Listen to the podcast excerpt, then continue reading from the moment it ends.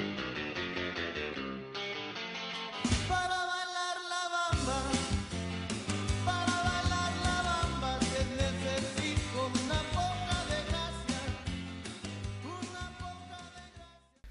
Oktober månad är här och La Liga-podden är tillbaka med ett nytt avsnitt. Eh, förra veckan uteblev avsnittet på grund av tekniska problem eh, och det var tyvärr ingenting vi kunde styra över. Men eh, nu är vi tillbaka i vanlig ordning igen och med ett nytt inspelningsprogram som vi hoppas funkar lika bra som det förra har gjort fram tills förra veckan. Då.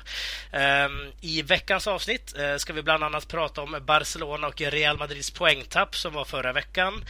Vi ska även prata lite grann om landslaget som spelar två matcher nu i dagarna. Vi ska även prata om en sparkad manager i La Liga och vi kommer söra en hel del om Real Betis. Daniel Jakobsson heter jag och med mig i vanlig ordning har vi Sam Saidi. Uh, har du laddat batterierna nu Sam efter det tekniska kaoset som uppstod förra veckan?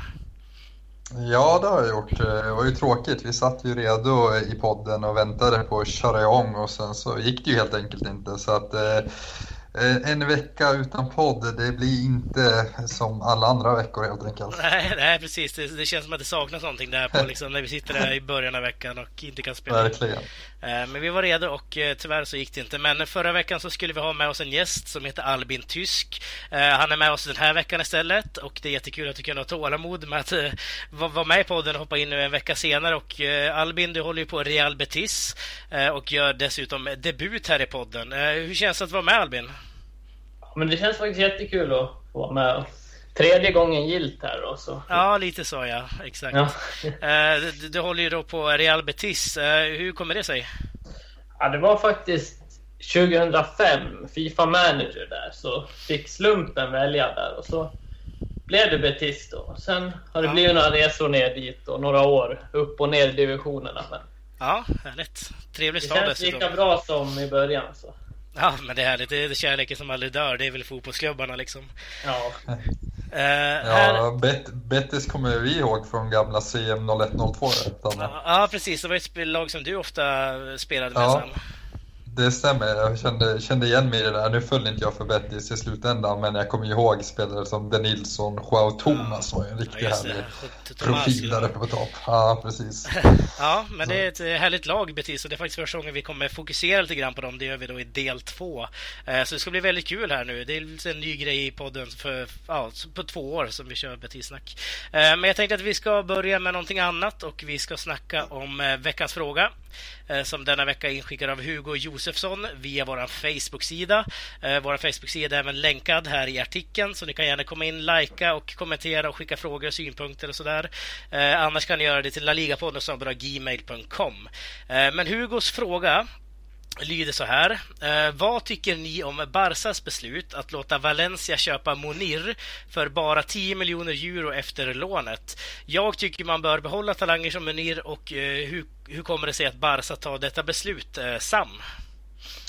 Eh, jag tycker det är ett jättebra beslut om jag ska vara ärlig. Det, det, det är precis det här Barcelona-talangerna behöver.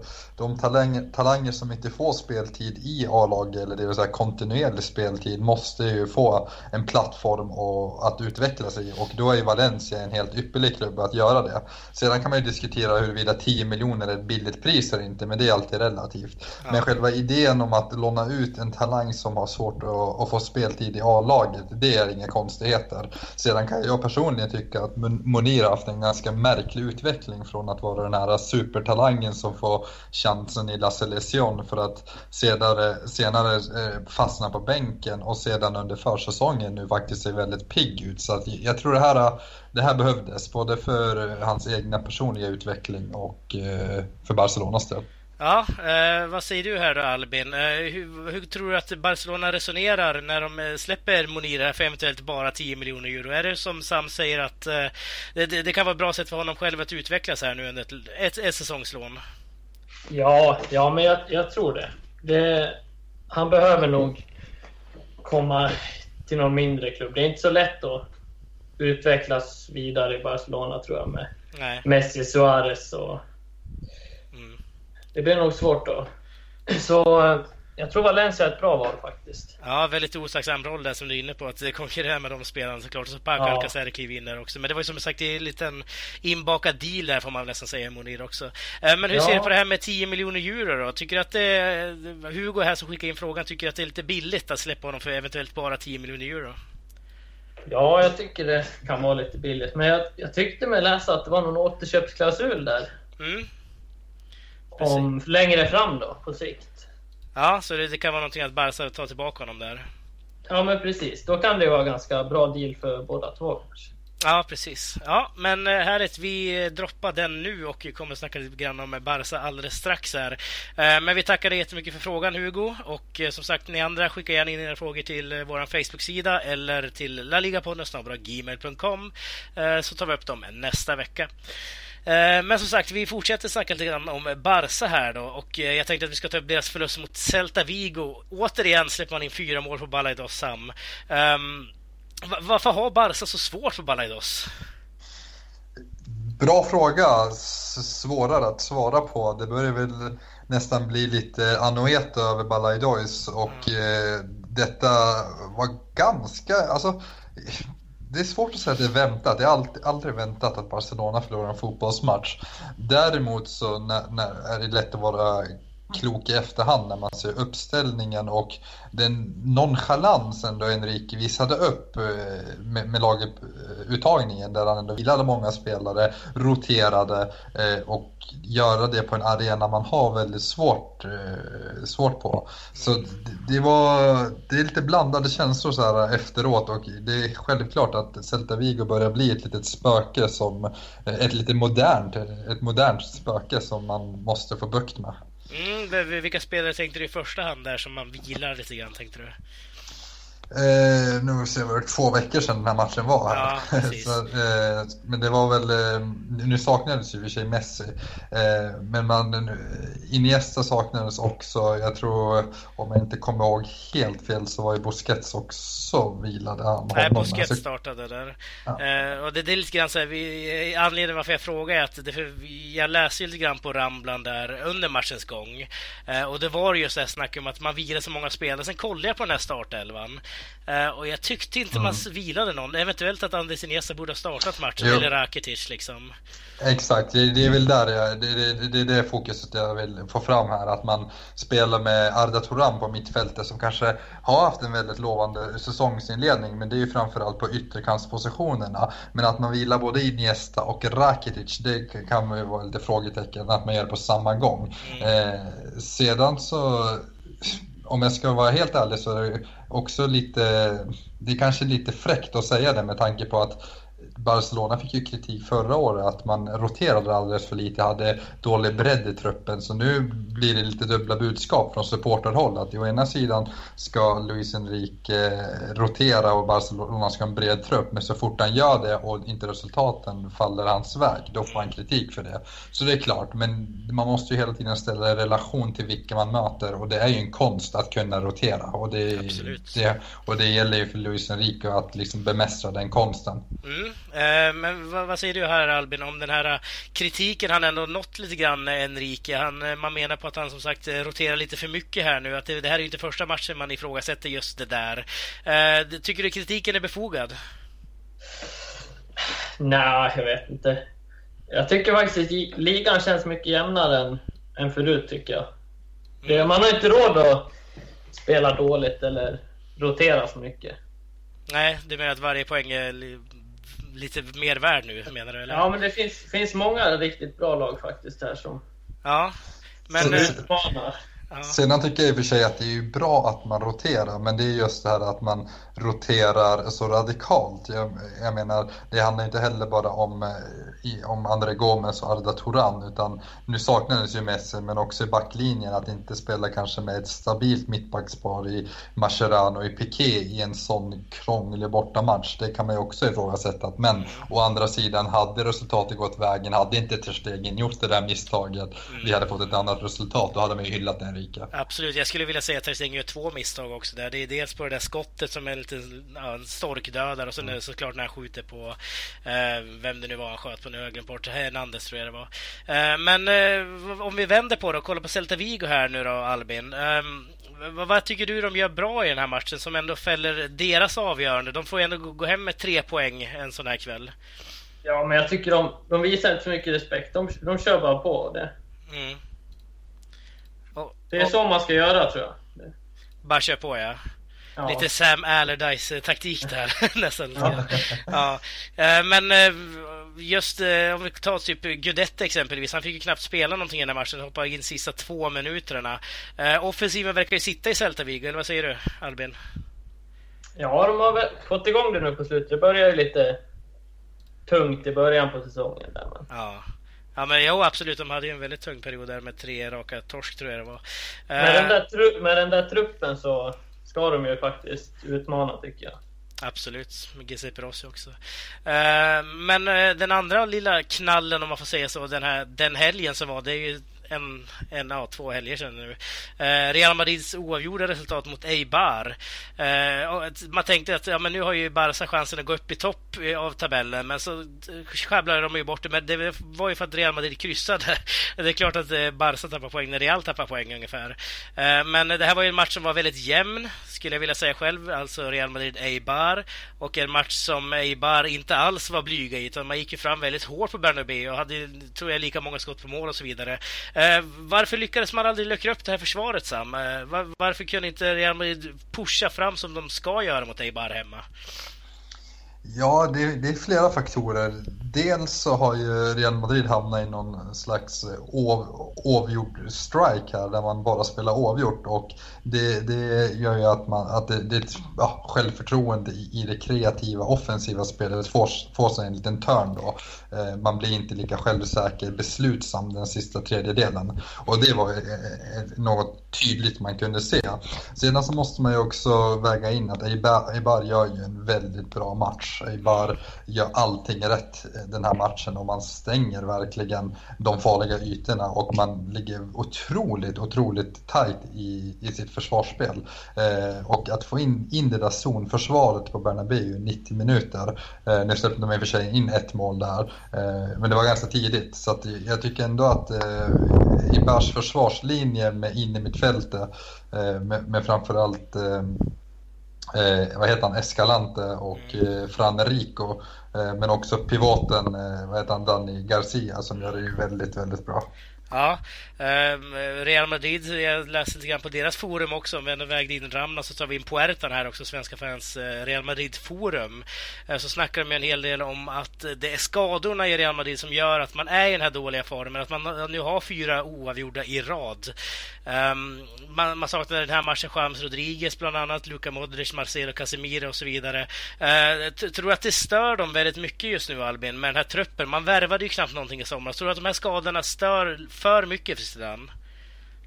Ja, det är klart. Skador stör väl alltid ett lag så, men jag tycker de ska, de ska ändå göra en bättre match där. De, mm. var ju, I matchen var de ju jämnbra lagen. Så. Ja, var det rättvist då tycker du att det vart oavgjort här? Alltså, den matchen hann jag faktiskt inte se, men eh, när jag såg höjdpunkterna så blev jag ganska förvånad faktiskt. Mm, ja, precis. För jag kollar just nu också på statsen här och eh, det, det, var faktiskt så att Real Madrid hade ett skott på mål och Eibar tre. Eh, bara en sån sak, Sam. eh, ja, men, men, om du kollar på så, samma fråga som jag ställde till Albin här då, på skadorna i Real Madrid. Tror du att det påverkar Zidans eh, trupp så mycket att man har fyra, fem nyckelspelare borta? Kan man, man kan inte ersätta dem? Nej, inte om man isolerar bara Eibar-matchen så kan man ju inte skylla på det och inte hemma på Bernabéu. Man har ändå sin, sin trio där framme med, med Cristiano, Benzema och Bale. Eh, man har en, en spelare som Kroos på mittfältet. Sen såklart att vilket lag som helst skulle sakna en Modric i form, men att börja eh, skrika efter James Rodriguez som var på bänken stora delar eh, av förra säsongen. Det, det, det köper jag inte. Däremot så saknades definitivt eh, Modric kreativitet och samma sak när det kommer till eh, eh nu tappar jag namnet på defensiva spelarna. Casemiro, exakt. Casemiro, att eh, det var ju inte en sån typ av match där han saknades egentligen. Nej. Eh, det är inte som att Casemiro ska stå för det kreativa spelet framåt och luckra upp tajta försvar. Så det spelar varken, var, varken roll att han var med eller inte var med. Nej, precis. Och det här var ju en match man tänkte att Isco kanske skulle skina lite grann, men han gjorde nog kanske sin sämsta Real Madrid-match jag någonsin har sett. Ja, hans självförtroende är inte på topp kan man ju säga. Nej. Av förklarliga skäl. Nej, precis. Han har ju knappt fått spela någonting. Så. Eh, Men härligt hörni, vi ska faktiskt eh, sätta stopp för del 1 här nu och eh, när vi är tillbaka ska vi snacka om Real Betis.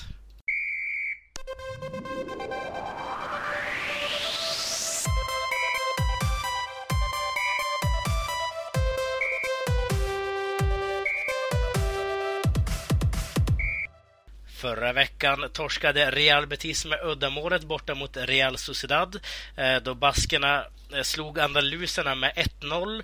Eh, resultatet cementerar då även Betis på en fortsatt relativt låg 15 plats och säsongen har väl totalt gått lite si och lite så, om man får säga det så.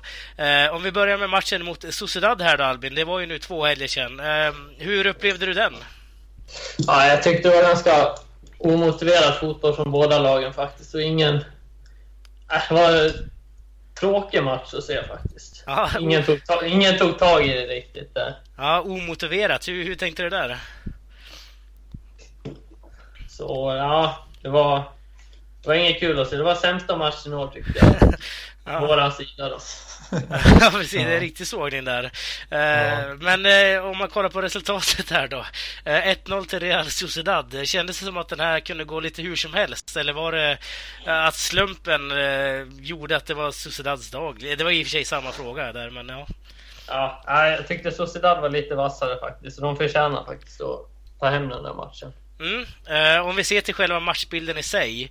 Eh, hur, hur upplevde du den? Förutom att det var en väldigt trå tråkig och seg match som du säger här nu. Eh, var, var det något lag som du kände, var det spelförande eller i alla fall försökte någonting? Eller var det bara pladask skitmatch? Nej, det var ju... Nej, Sociedad tog tag i det lite mer och det var ju det som gav dem segern tror jag. Ja, och de fick in det. De har ju den här spetskompetensen som kanske saknas i... Ja, Ja. precis. De, de skapar lite mer lägen och hemmaplan och Ja, det fällde nog avgörande tror jag. Slutet. Ja eh, hur så ser du på matchen här och samtidigt som är lite objektiv i det hela? Eh, Håller du med Albin att det var en riktig skitmatch som spelades i fredags för två veckor sedan? Ja, som sagt, det är lite första gången eh, vi spelar in podd två veckor efter så det är svårt att komma ihåg detaljer på det sättet. Ja. Men eh, jag skulle nog inte kalla det för skitmatch, men det, skulle, det var en väldigt liksom, det var ingen rolig match heller. Utan det var en, en vanlig match, en vanlig fotbollsmatch, varken mer eller mindre. Eh, Sociedad gjorde inte mer än vad de behövde och det gjorde inte Betis heller. Sedan så har eh, har väl Sociedad en spelare i Carlos Vela som lyckades speta in en boll och det var väl egentligen bara en slump att det inte var Ruben Castro. Där, där har vi två spetsspelare som, kunde, som, som man någonstans satt och väntade skulle avgöra en, en sån ganska halv, ja, ska vi kalla det tråkig tillställning då. Ja. för att citera, för att citera föregående talare. Ja. Eh, men eh, det var en jämn match eh, och jag tycker att eh, ah, jag får inte riktigt grepp om eh, Poets spelidé här. Och, eh, I vissa matcher spelar han ett, ett ganska simpelt 4-4-2 för att sedan spela helt plötsligt 4-3-3 och sedan 4-2-3-1. Det känns som att det, det, Bettis inte riktigt får koll på hur de ska spela. Nu vet jag inte om det beror på något nå skadeläge eller någonting men eh, ja, jag har inte fått riktigt grepp om själva idén med Nej. Nej, jag, jag tänkte att vi skulle gå in på Poet här också. Eh, han är ny inför säsongen här och eh, tog över i slutet av förra säsongen, om det var sommaren. Um, Sam är inne på lite grann som jag ville ta upp. Hur, hur vill han spela med sitt Betis, Albin? Har du någon koll på eh, vad Poet egentligen vill få ut av sina elva man? Ja, han har ju blandat under hela säsongen hittills, som Sam säger då. 4-3-3, 4-2-3, 4-2-2, eller 4-4-2. Han. Eh, han vet nog inte själv riktigt än tror jag. Nej, är det mer att han Men- anpassar sig efter motståndarna eller är det bara det att han inte har sin egen identitet som manager än? Nej, han, jag tror inte han har kommit på riktigt, men ge han lite tid tror jag så blir det nog bra. Ja, eh, det, det, här är ju en coach som tidigare har eh, coachat Sunderland, framförallt i lite grann Premier League där också. Jag minns att det var en lite halvtaskig sejour där också, AIK Aten senast här. Tror du att man kan få, eller om jag omformulerar frågan, vad är nyckeln i hans spel? Är det just den här anpassningen? Eller är det någonting annat som du ser som är styrkan i eh, Poets lagbygge, Albin? Jag tror, jag tror han han har ett bra lag så att det är nog... Eh, man måste nog få, få det att funka helt enkelt på planen. Ja, för, eh, för truppen är det inget snack om. Det är en bra trupp så Ja, jag tänkte vi kommer in på den snart här, just truppen i sig. Eh, någonting mm. intressant som jag noterade också, eh, som jag läser på svenska fansidan, Betis-sidan här, eh, är ju att eh, det är första gången sedan 2013, alltså tre år sedan, eh, som Betis inte spelade med en spelare som var 30 år eller över på planen. Eh, så det är lite anmärkningsvärt. Det var ju när Ruben Castro och Joaquim byttes ut som man helt plötsligt stod utan spelare under 30. Är, är det någonting du har tänkt på Albin? Har man en lite äldre trupp generellt eller ser du att det är någon generationsväxling på gång här? Ja, de har ju, de har ju blivit lite omväxling i truppen de senaste åren när, de, när vi åkte ur och kom tillbaka nu. Och, eh, men eh, nya sportchefen från Celta Vigo där och ja, just det. Tordesilja, han har gjort... Jag tycker han har gjort riktigt, riktigt bra fönster i sommar. Och, ja. Ja, man har ju ett intressant lag som du säger här. Ganska unga, många unga spelare framåt. Eh, om vi kollar, vad säger du Sam om den här truppen man har här? Eller hur Pojet spelar och använder den här truppen. Tycker du att man utnyttjar den potential, potential som finns? Och vad ser du för styrkor i Betis spel just nu?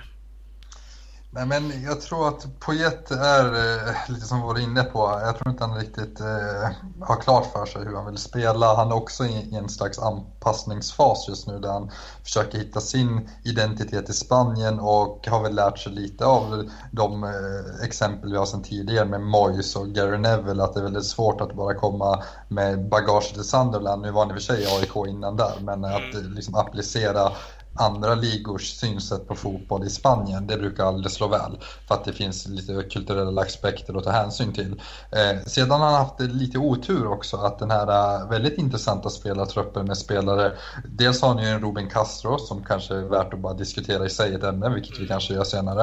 Eh, och eh, sen har ni Joaquin, men också har ni de här nyförvärven med Sanabria, eh, eller framförallt Sanabria eh, ja, skulle jag säga är ett framtidsnamn och som kanske ska axla eh, den målproduktion som Roman Castro har stått för eh, de senaste åren och fortfarande har stått för inledningsvis. Eh, sedan är det nyförvärv som Mandi, den algeriska mittbacken som är ett väldigt intressant namn som inte heller fått kontinuerlig speltid. Dels det skador som har hämmat honom men där tror jag man har ytterligare en spelare som man kan eh, liksom bygga någonting stort eh, kring. Så jag tror att det här laget eh, har en stor potential. Nu gäller det bara att hitta en spelmodell som man, alltså man kan spela in och få lite kontinuitet i den spelmodellen. Jag tror att det är svårt att hitta kontinuitet när man ändrar formation så pass ofta som man har gjort. Nu pratar vi ändå tre, de, tre, de fyra senaste matcherna, eller tre, så har man bytt formation. Eh, och det tror jag skapar förvirring, men det hänger också ihop med de skade, skadorna man har haft. Ja, eh, och framåt så, förutom Sanabria som jag tänkte vi ska snacka lite grann så har man även den här Alex Allegria eh, som man lånade ut i fjol till Numancia i Segundan. Gjorde ju 12 mål där och har ju ändå börjat ganska starkt i Betis den här säsongen. Gjort två mål på fem matcher. Um, är det här någon Hade kille... ett fantastiskt avslut också den här matchen mot Sociedad. Ja. ja, det var värt ett bättre av det. Värt ja. att nämna. Ja, men eh, hur ser du på den här anfallstruppen ni har då, Albin? Ni har ju de här tre som jag nämnt, Sanabria, Alex Allegri, Ruben Castro och så vidare. Uh, känns det säkert där uppe? Och vem är det liksom som ska kunna axla, kan någon axla Ruben Castro och det han har gjort i Betis? Ja, Alex Allegri har ju faktiskt börjat riktigt strålande hittills. Så, uh, jag har följt honom flera år tillbaka faktiskt, när han var i B-laget där. Mm. Och uh, var ju en riktig målskytt där. Och sen fick han en tung knäskada och borta nästan en hel säsong. Mm. Men sen kom han tillbaka där och så gjorde han massa mål där igen. Sen blev han utlånad till Numancia och fick förlängt kontrakt. Mm. Och eh, nu är han succé igen här och han förlängde kontraktet häromdagen igen också till 2021 tror jag. Ja, det, det, känns väldigt långt bort, men det är ju bara fem år bort. Eh, så, ja. Men, så, eh, riktigt lovande faktiskt. Så gjorde han ju mål här mot Sevilla också, som var bortdömt då, tyvärr. Ja, precis. Eh, men eh, om vi tar Sanabri också, hans anfallskollega här nu, eh, är ju dessutom faktiskt nominerad, den enda från Betis, till Uefa Golden Boy. Säga vad man vill om de här priserna, men det ska ju delas ut och han är nominerad, en av 40 tror jag det är. Ehm, hur bra är Sanabria? Han gjorde ju väldigt bra i fjol i Sporting Gijon, Albin. Ser du någon ja. potential den här killen? Han var ju grym förra året i Sporting. Sen har han ju varit med, han har inte varit med så mycket än hittills, men mm. Det kommer, han kommer få problem på E1 när han ska försöka sätta in alla de här tre på topp. Absolut. De är riktigt bra alla tre, så, men jag tror inte han kommer kunna spela med alla samtidigt. Det blir nog Nej, man, man, man tappade Jorge Molina inför säsongen också. Tidigare så gled man ju ofta runt med Ruben Castro och Molina. Eh, ganska, det måste vara äldsta någonsin i La Liga, ha det anfallsparet. Eh, men eh, hur ser du på Sanabria Sam? Ser du potentialen den här killen? Han gjorde ändå några baljor i fjol. Ja, jag ser en ganska stor potential. Han gjorde, om jag kommer ihåg 11 baljor i ett Sporting Gijon som var eh, på den nedre halvan, ett bottengäng. Så att eh, det är ju en bedrift i sig och nu får han ju spela, mycket bättre spelare runt omkring sig som man kan arbeta med. Och jag, jag tror, eh, till skillnad, alltså jag tror att de här tre, Ruben Castro, Allegria och Sanabria kan bli ett väldigt intressant, eller bli en intressant anfallstrio om man kan få ihop det. Men det är ju en fråga på ett får att ställa sig själv om, man, om det blir kanske, om laget kanske lite felbalanserat om man spelar alla de tre.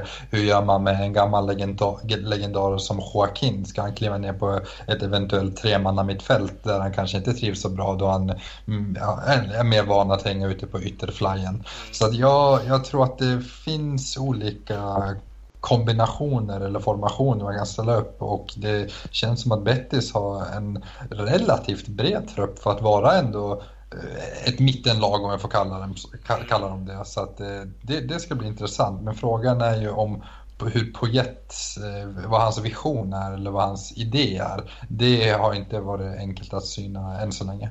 Nej, eh, och en annan spelare som jag tänkte när vi är inne på lite yngre lovande spelare eh, är väl eh, Dani Sebajos såklart. Som i fjol, jag minns att vi diskuterade lite grann det i podden då. Han klagade lite grann över utebliven speltid och agenten tyckte bla bla bla att han borde få spela mer och så vidare. Och han gjorde ju aldrig det. Han spelade ju, eller han startade ju ändå 22 matcher, det är ganska bra för en dåvarande 19-åring.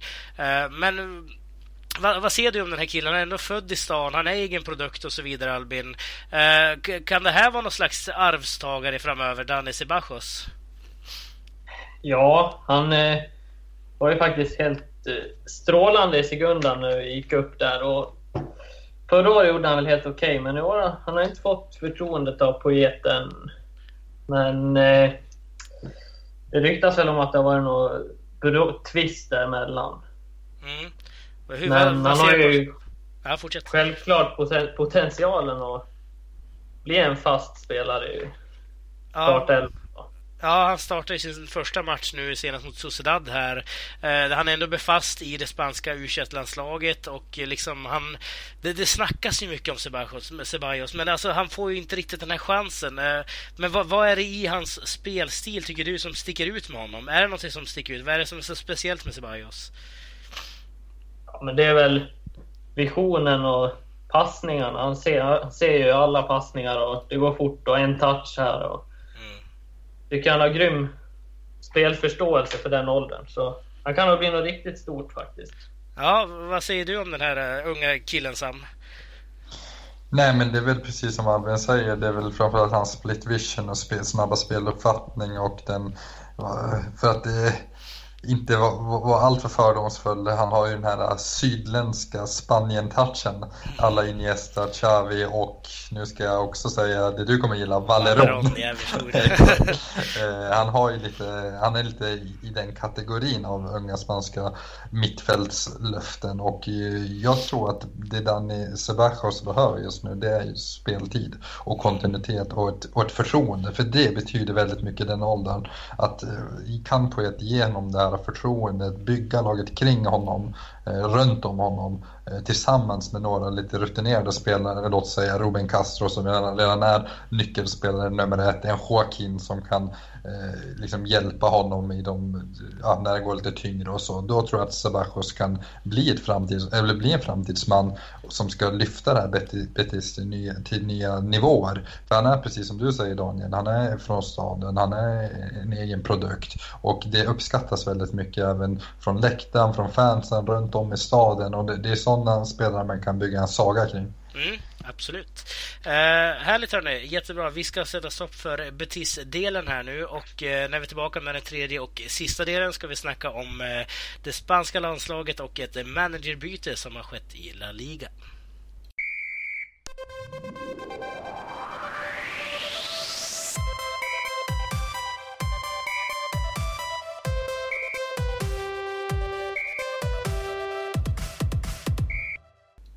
Denna tredje och sista del ska vi bland annat prata om Granadas sparkade manager Paco Gemes. Eh, vi ska även prata lite grann om det spanska landslaget som i eh, dagarna här har mött Albanien och Italien på bortaplan.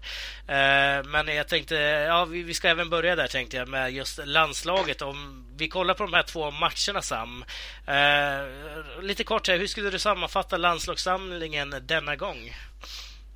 Jag skulle nog ge ett eh, tummen upp helt klart. Man eh, tar en, en oerhört tung poäng eh, mot Italien för att sedan följa upp den matchen med en eh, ja, ganska säker trepoängare mot Albanien. Så att det, ja, för att summera upp eh, resultatmässigt väldigt bra. Spelmässigt finns fortfarande mycket att jobba på men eh, inte allt för dåligt.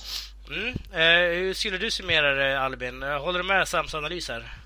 Ja, det är väl helt godkänt. Lite onödigt poängtapp mot Italien där men...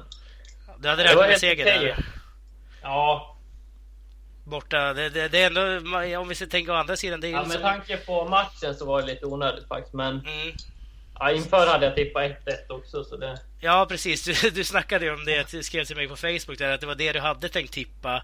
Eh, sen så spelade vi aldrig in, så det vart ju aldrig att du fick in den poängen. Eh, men eh, resultaten i övrigt då? Tycker du att det... Kan man gå ifrån den här landslagssamlingen och känna sig ganska nöjd som spanjor? Ja, men det tycker jag. Absolut. Det är godkänt. Mm. Eh, om vi kollar på de här startelvorna som eh, Lopetegui eh, har formerat. Är, är det någonting du tänker där Albin som sticker ut lite grann? Eller att kanske shit, den här spelaren fick inte chansen, varför inte det? Eller vad, tyckte du att han gjorde rätt i de här valen han gjorde? Ja, men jag, jag tycker ändå han ställde upp helt rätt faktiskt, enligt min åsikt också. Ja, eh, samma fråga till dig Sam. Ehm, ja, jag tycker att eh, det var intressanta startelvor. Jag tycker att eh, Vitolo är väl det namn som sticker ut lite. Och nu är han ju mål mot Italien. Han är faktiskt den som eh, ligger bakom det första målet mot Albanien. Så det, det, är en spelare som har fått ett stort förtroende av Lopetegui, har förvaltat det väl. Ehm, sedan är det väl lite anmärkningsvärt att man spelar med en trebackslinje mot Albanien, vilket jag tycker är väldigt intressant. Eh, nu, eh, och att den fungerar så bra också stundtals. Nu är jag inte så förtjust eh, i just trebackslinjen, men jag tror att Lopetegui har ju eller det spanska landslaget har väldigt många duktiga mittfältare och offensiva anfallare slash yttermittfältare. Så att det kanske inte är så tokigt om man får till defensiven. Nej, intressant är också att Nacho Monreal kliver in som mittback mm. där bredvid Ramos och Piqué. Eh, ty tycker jag i alla fall i Albanien-matchen där.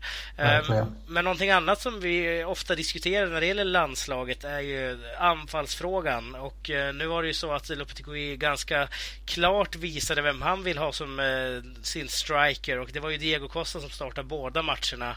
Eh, blev utbytt mot Italien men spelade 90 minuter mot Albanien.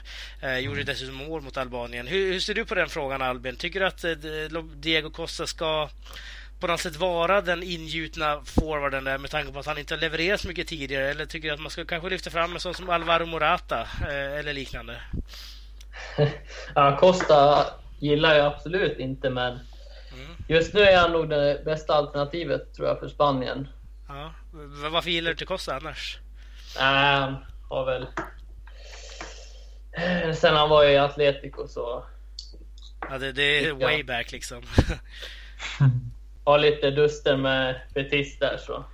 Ja, jag tror han har haft duster med alla lag i hela ligan ja. nästan. Ja, men eh, hur ser du på det då Sam? Att eh, Diego Costa, nu hade man ju bara egentligen två anfallare med i den här truppen. Det var ju då eh, Morata och Costa och det var ju Costa som gick före båda gångerna. Hur ser du på det? Jag tycker inte det är några konstigheter alls. Morata är inte, eller klart, han, han slåss ju med Karim Benzema i Real Madrid om vem som ska vara nummer ett på den positionen och det har eh, resulterat i att det har blivit ganska mycket rotationsspel, inte allt för mycket kontinuitet utan det var en konkurrenssituation som, eh, som har gjort att Morata inte har spelat lika mycket som sin konkurrent i landslaget, Diego Costa som har ett helgjutet förtroende i, i Chelsea med Conte då, och eh, har gjort bra, har gjort helt okej. Okay. Chelsea har väl varken gjort bu eller bä, han har väl gjort det det som har förväntats, kanske lite mindre. Men eh, Dio Costa har stått för en stabil målproduktion. Han ser bättre ut än förra året och året innan det för den delen. Så att jag tror att det, det är för tillfället ett helt rätt val och jag tror att får man igång Diego Costa i landslaget, får igång det ett kontinuerligt, en kontinuerlig målproduktion. Då tror jag att han, där har vi, höll jag på att säga, eller vi, vi får säga Spanien som vi då. Eh, den striker vi har saknat sedan David Villa och Fernando Torres dagar. Ja, eh, nu ska jag faktiskt rätta mig själv här också. Det är klart att eh, Lucas Vasquez får någonstans räknas som en striker där också. Eh, men han ja, fast han skulle ändå klassas mer som en ytterforward i så fall. Ja, ja, han kan ju hoppa in där. I och för sig så visar ju inte Benitez det när han väl hade chansen. Men absolut. Ja. Men om vi kollar på övriga anfallare då, som vi inte har nämnt här nu, som inte var med i truppen, Albin. är det någon du saknar här? Det känns inte lite tunt med egentligen bara två renodlade anfallare. Är det någon du skulle vilja ha med i den här truppen? Som kanske skulle få visa upp sig? Ja, ja Ruben Castro skulle man väl alltid vilja ha med i den där truppen, men det, det lär man väl aldrig få uppleva. Tyvärr. Nej. Nej precis, han hade ju den här åldern när han på något sätt kom fram i spansk fotboll, Ruben Castro, så var det ju i Deport, mitt Deportivo La Coruña och där var han ju eh, inte alls omtyckt egentligen, för han var ju mest bara utlånad. Han presterade aldrig när han väl var i Depor då. Men eh, annars är det ingen annan som du tänker på som eh, alltså Adoris som spelade hela EM eller Paco Alcacer för den delen. Ja, Adoris börjar väl också bli till åren då, men annars ser det ganska tunt ut på anfallssidan. För Spanien faktiskt, nu när Castro och Adoris är för gamla. Och mm. Alcácer har inte varit så jättebra i Barcelona hittills. Så. Nej, eh, känner du någon avsaknad där fram Sam? Eh, eller tycker du att det räcker med två anfallare så här som de har? Ingen jo, Torres men, kanske? Nej, nej, men jag tycker att det räcker med två anfallare i en trupp som det bara, ja, när det bara finns en plats att konkurrera om egentligen. Eh, då blir det lite onödigt att ha en tredje. Så jag tycker att eh, två spelare som är fit for fight eh, i, i en landslagstrupp eh, som striker, det räcker alldeles eh, utmärkt. Sen är det ju jättebra att dessa två herrar inte heller känner sig alltför säkra utan att vi får igång en Paco Alcacer i, i Barcelona även om jag tror att han också kommer få det tufft att få kontinuerlig speltid. Men eh, vi har Morata och eh, Morata och Diego Costa som är de bästa anfallarna i Spanien just nu varför inte? Torres igen kanske? ja, precis. Det är ofta det man vänder sig till i så här krislägen. Men nu är det ingen ja, kris, för det gick ju ganska bra ändå. Uh, men uh, jag tänkte att vi ska dra... Sedan så tror jag man kan flytta in en ytteranfallare som Vasquez eller Nolito och spela på den positionen om det verkligen mm. krisar. Precis. Eh, vi har ju Vicente Del Bosque som prövade Cesc Fabregas som anfallare. Det gick ju ganska bra. Eh, Han vann ett EM. Vann ett EM, precis. Eh, men jag tänkte att vi ska droppa landslaget lite grann och snacka om en manager som länge ryktades ta över det spanska landslaget, nämligen Paco Eh, Tränaren som eh, för två veckor sedan nu fick sparken från Granada. Eh, han lämnade ju Rayo Vallecano i fjol när laget åkte ner och eh, han lämnar nu även sitt Granada på en sista placering efter efter eh, väldigt tama 0-1 eh, hemma mot Leganes. Eh, är det rätt här nu Sam att Paco Schemes försvinner? Jag tänkte att vi börjar med den frågan. Eh, ja, ja, sett till resultaten så är det ju svårt att argumentera emot det. Eh, inte en enda seger. Spelet har väl sett stundtals bra ut men stundtals väldigt naivt och katastrofalt. Så det, det, är väl, ska man eh, göra sig av med honom så, så, skulle jag säga att det är bättre att man gör det tidigt, så tidigt som möjligt så att den nya tränaren får tid eh, att bygga upp någonting nytt. Så att, ja, det var, det, var, det var rätt om man ändå skulle sparka honom. Ja, jag håller med om det Albin. Tycker det var rätt att Paco Schemes får lämna sig. Jag menar, han fick ändå en försäsong, en hel sommar och så sparkas han efter ja, fem, sex matcher liksom. Eh, sju matcher ja. ska jag säga. Ja, eh, med tanke på den här inledningen så var det ju helt rätt tycker jag. Mot Eibar hemma när man får en man mer nästan hela matchen och lyckas förlora ändå. Och sen sist här mot Leganes så... Ja. Lyckas ja, det... han inte prestera bättre än det där så då ska se, man inte se, vara kvar heller. Nej, och sedan till Paco Gemes försvar så är ju han ändå en tränare vars spelfilosofi och idé kanske kräver lite tid. Eh, när han väl fick till det med Vallecano så var det ju helt fantastiskt vad han hade gjort, även om de nu åkte ur förra säsongen. Så att, där kanske man borde fundera på om det verkligen var rätt rekrytering från första början, för man visste vad man skulle få med Paco Gemes. Det är en spelare, eller en spelare, en tränare som är väldigt, liksom, han, han, har sin filosofi, han kommer inte ändra sig, han kommer applicera det på vilken trupp han än får. Och det är väl det som är både hans styrka och svaghet i ett. Ja precis, och eh, jag menar vi snackade ju väldigt mycket om att han skulle ta över en eh, toppklubb här nu. Eh, ett Valencia, ett Villarreal och så vidare, ett Sevilla. Men nu vart det alltså Granada och någonstans redan tidigt så, här så kände vi att det kanske inte var helt rätt val av den gode Schemes att gå dit. Men vi har ju snackat mycket om Paco Schemes här Sam i podden tidigare och vi har ju romantiserat en bild av Paco som kanske inte stämmer ändå. Har våran bubbla spruckit här någonstans? Har vi överdrivet romantiserat Paco Gemes. Ja, men det har vi väl gjort. Skulle man lyssna tillbaka några avsnitt eller det senaste året eller två åren så har ju Paco Gemes nästan varit synonym, alltså i den kategorin där Guardiola är nästan. eh, och, så det blir ju lite överdrivet men det går ju inte heller att blunda från principen av att han, av att han faktiskt är en väldigt charmig fotbollstränare. Eh, han är ju charmig både liksom i, i sin optimistiska, naiva eh, syn på, på fotboll och där han faktiskt får träben ibland att prestera tiki-taka fotboll. Det är ändå ganska unikt måste jag säga. Eh, det är väl bara Guardiola som är den här possession-fundamentalisten eh, jag kan komma på. Eh, Pacogemes Pacochemes och Guardiola sticker ut på det sättet och därför är det väldigt svårt att inte dra de kopplingarna det är väldigt svårt att inte dra de kopplingarna när det är Paco Gemes Vallecano som tar Barcelonas bollinnehav dominans efter flertalet år. Så det är klart att vi har romantiserat honom men han är väl kanske inte den mest eh, vad ska man säga, holistiska tränaren som ser helheten. Nej, Nej, och in kommer nu alltså Lucas Alcaraz, ett eh, helt annat val. Eh, då snackar vi lite mer defensiv fotboll, inte alls lika offensivt. Och jag menar, man tar ett steg tillbaka här nu, Granada, eh, när man tar in Alcaraz för tredje gången. Lite grann som Voro i Valencia nästan. Ehm, vad tror du händer med Granada nu, Albin? Tror du att man kan gå framåt här, eller har man redan en så taskig start att det blir svårt att vända på det här? Ja, det kändes ju lite, lite desperat att ta in honom igen. Men... Eh, ja... Tror du försöker hitta, hitta tillbaka till grunderna här någonstans, Granada? Ja, ja, jag tror de inte har tillräckligt bra trupp faktiskt för att, för att klara sig kvar tyvärr. Nej, eh, vad tror du då Sam? Alltså, varför tar man in Alcaraz en tredje gång? Är det bara för att hitta den här stabila grunden som vi snackar om som Valencia ofta gör med Voro? Ja, jag tycker Voro-liknelsen var väldigt bra här. Eh, han, han, passar ju definitivt in i den kategorin. Eh, kommer tillbaka här till Granada och, och, man vet lite vad man får. Det är väl lite eh, den principen som gäller nu. Att eh, nu är det tillbaka till grunderna. Det kan bli lite mer primitiv fotboll, spela lite enklare passningar, eh, lite tajtare försvar.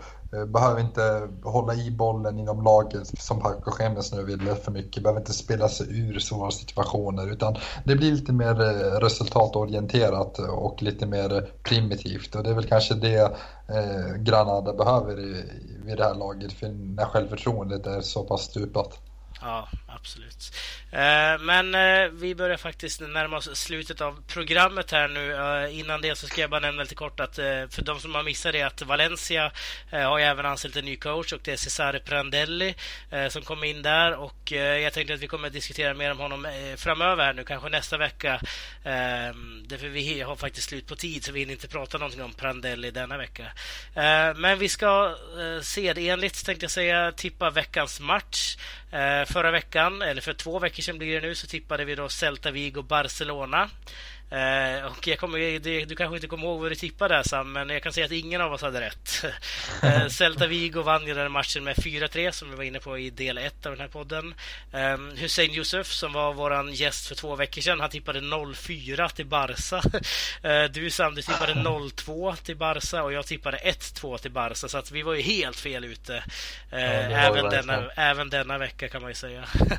Eh, den här gången så tänkte jag att vi ska tippa det här bottenmötet som på något sätt är väldigt viktigt för båda lagen, nämligen Sporting Gijon mot eh, Valencia. Ehm, och eh, jag tänkte att du Albin, du får börja tippa här. Sporting Valencia. Ja, jag tror 2-2 tror jag på. 2-2. Ja, det, vad säger du Sam om den matchen? Jag tror, även om Valencia förlorade mot Atletico senast, så är man, in, man, man inne med eller har kommit igång med många spelare individuellt. Eh, så jag tror att eh, man vinner med 0-2. 0-2 till Valencia. Eh, ja, det, det, är svårt det här. Jag vill nästan trycka ut ett, ett kryss 2 här bara för att det ska bli väldigt svårt att tippa den här matchen. Eh, men jag, jag, är faktiskt lite mer inne på ditt håll här Sam. Jag tippar på 1-2 till Valencia. Du sa 0-2 va? Mm. Ja, jag säger 1-2 till Valencia i den här matchen. Eh, så vi har ett kryss och två tvåor här då. Helt enkelt. Vi får se hur det går. Vi redovisar det som klart nästa vecka. Sam, ska du köra din veckolista? Ja, veckans Tokero börjar med då i vanlig ordning och det kommer jag faktiskt ge, jag tror det är första gången jag ger det till en en spelare som inte spelar i La Liga, men han är i landslag i alla fall. Och det är David Silva. Han har spelat i La Liga som tur är. Mm. Men nu är det lite landslagsvecka och jag måste säga att David Silvas utveckling, han har tagit nästa steg och eh, hans landskamper nu har varit helt fantastiska igen. Han eh, ligger bakom det första målet mot Albanien. Han är den stabila kreatören nu och den som kommer ja, ta, ta efter Iniesta när den lämnar, har redan gjort det. Han kombinerar ju det kreativa spelet tillsammans med Iniesta mm. på många sätt. Och eh, David Silva förtjänar en Tokier-utmärkelse helt enkelt. Ja, det, det, tror jag faktiskt är som du säger första gången som inte har med La Liga att göra egentligen. Eh, mm. det har varit mycket ägare och tränare tidigare och så vidare. Eh, men inte en spelare utanför ligan. Veckans Hörberg då? Veckans Faber kommer jag ge jag tror det är hans första och det är Mark Ter Stegens, eh, ja vad ska man säga, ska man säga, hans tavla, eller två tavlor som du var inne på. Eh, men jag väljer att fokusera på den här nonchalanta inställningen han har på, där när han råkar skjuta ut bollen på, kommer jag inte ihåg vem det var som blattade mot honom. Ja, precis, Pablo Hernandez. Och eh, det, det, det är inget fel i att Ter Stegen vill spelare, alltså det är därför man har köpt in honom. Han ska vara bra på fötterna. Han, när han väl lyckas så hyllar vi honom här i podden. Mm. Men det är just det nonchal, nonchalanta agerandet som man har sett en tendens av att det, det, här är inte första gången det händer. Nu är det första gången det blir ett mål utav det. Men det har ju skett flera gånger där han inte behöver sättas i den situationen överhuvudtaget. Och det är väl precis det som gör att han förtjänar den här Flaberg-utmärkelsen. Ja, Absolut. Eh, vad säger du Albin? Köper du listan eller någonting du vill lägga till där? Ja, nej, jag tyckte den var riktigt bra faktiskt. Mm. Härligt. Eh, då tackar vi dig så jättemycket för att du var med den här veckan. Eh, jag hoppas du var med framöver och framförallt lyssna på våra poddar framöver här också. Eh, och tack till dig också Sam som vanligt. Vi hörs ju nästa vecka då vi är tillbaka med en ny gäst och ett nytt program helt enkelt. Och som sagt, skicka in era frågor, ämnen, synpunkter till laligapodden gmail.com eller till vår Facebook-sida som vi har länkat här i artikeln. Ehm, tack så mycket för oss. Hej då!